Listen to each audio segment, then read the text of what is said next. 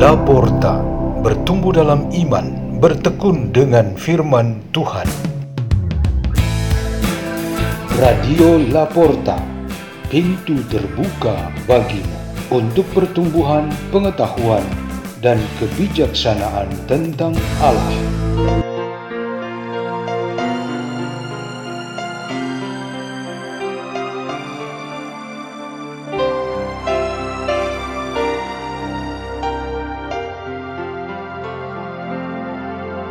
Bacaan dan Renungan Sabda Tuhan Hari Senin, Pekan ke-19, Masa Biasa, 14 Agustus 2023 Dibawakan oleh Mandalina Salawah dan Christian Nathan Surijanto dari komunitas Pukat Labuan Bajo, Keuskupan Ruteng, Indonesia.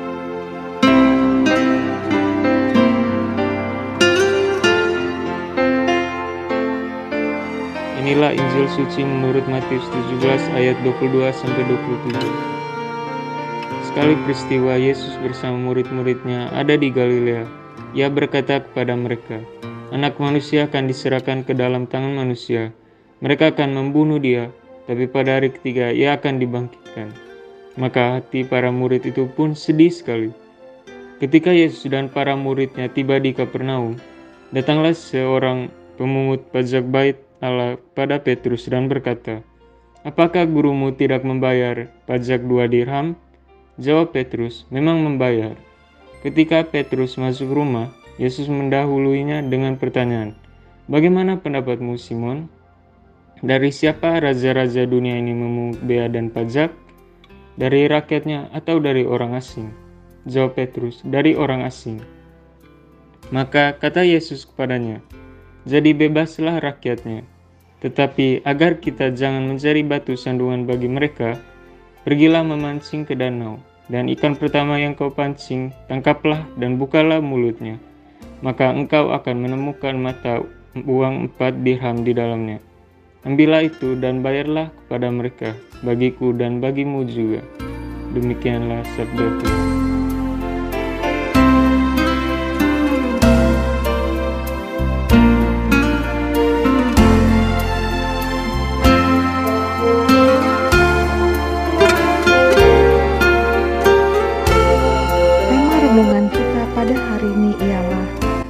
Keharusan memberi, contoh membayar pajak.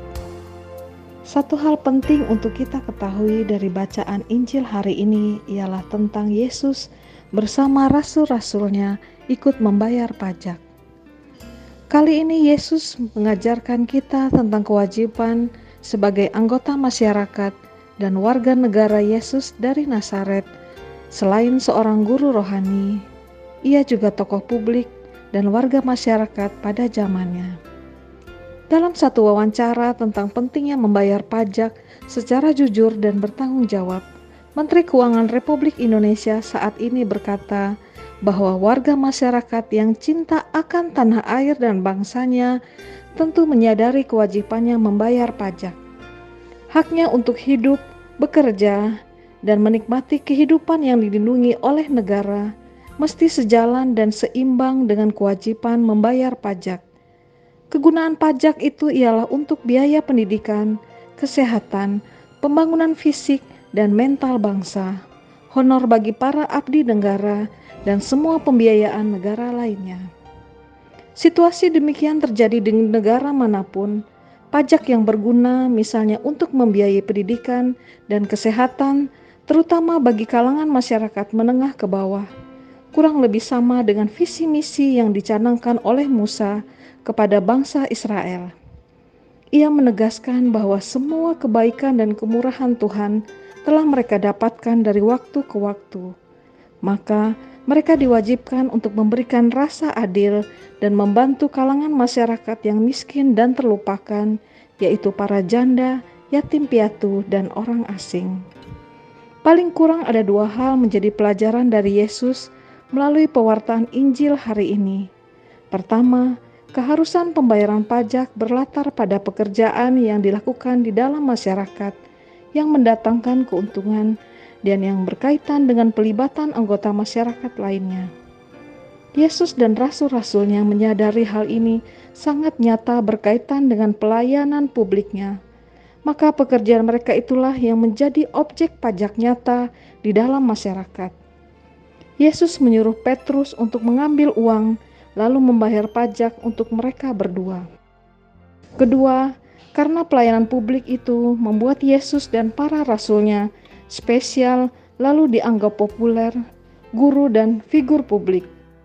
Mereka harus menjadi model untuk taat membayar pajak.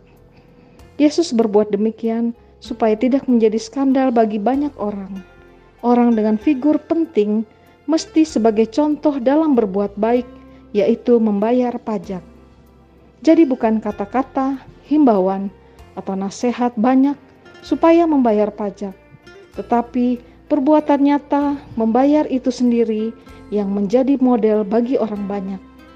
Semoga kita semakin bertumbuh kesadaran akan kewajiban membayar pajak kita kepada negara.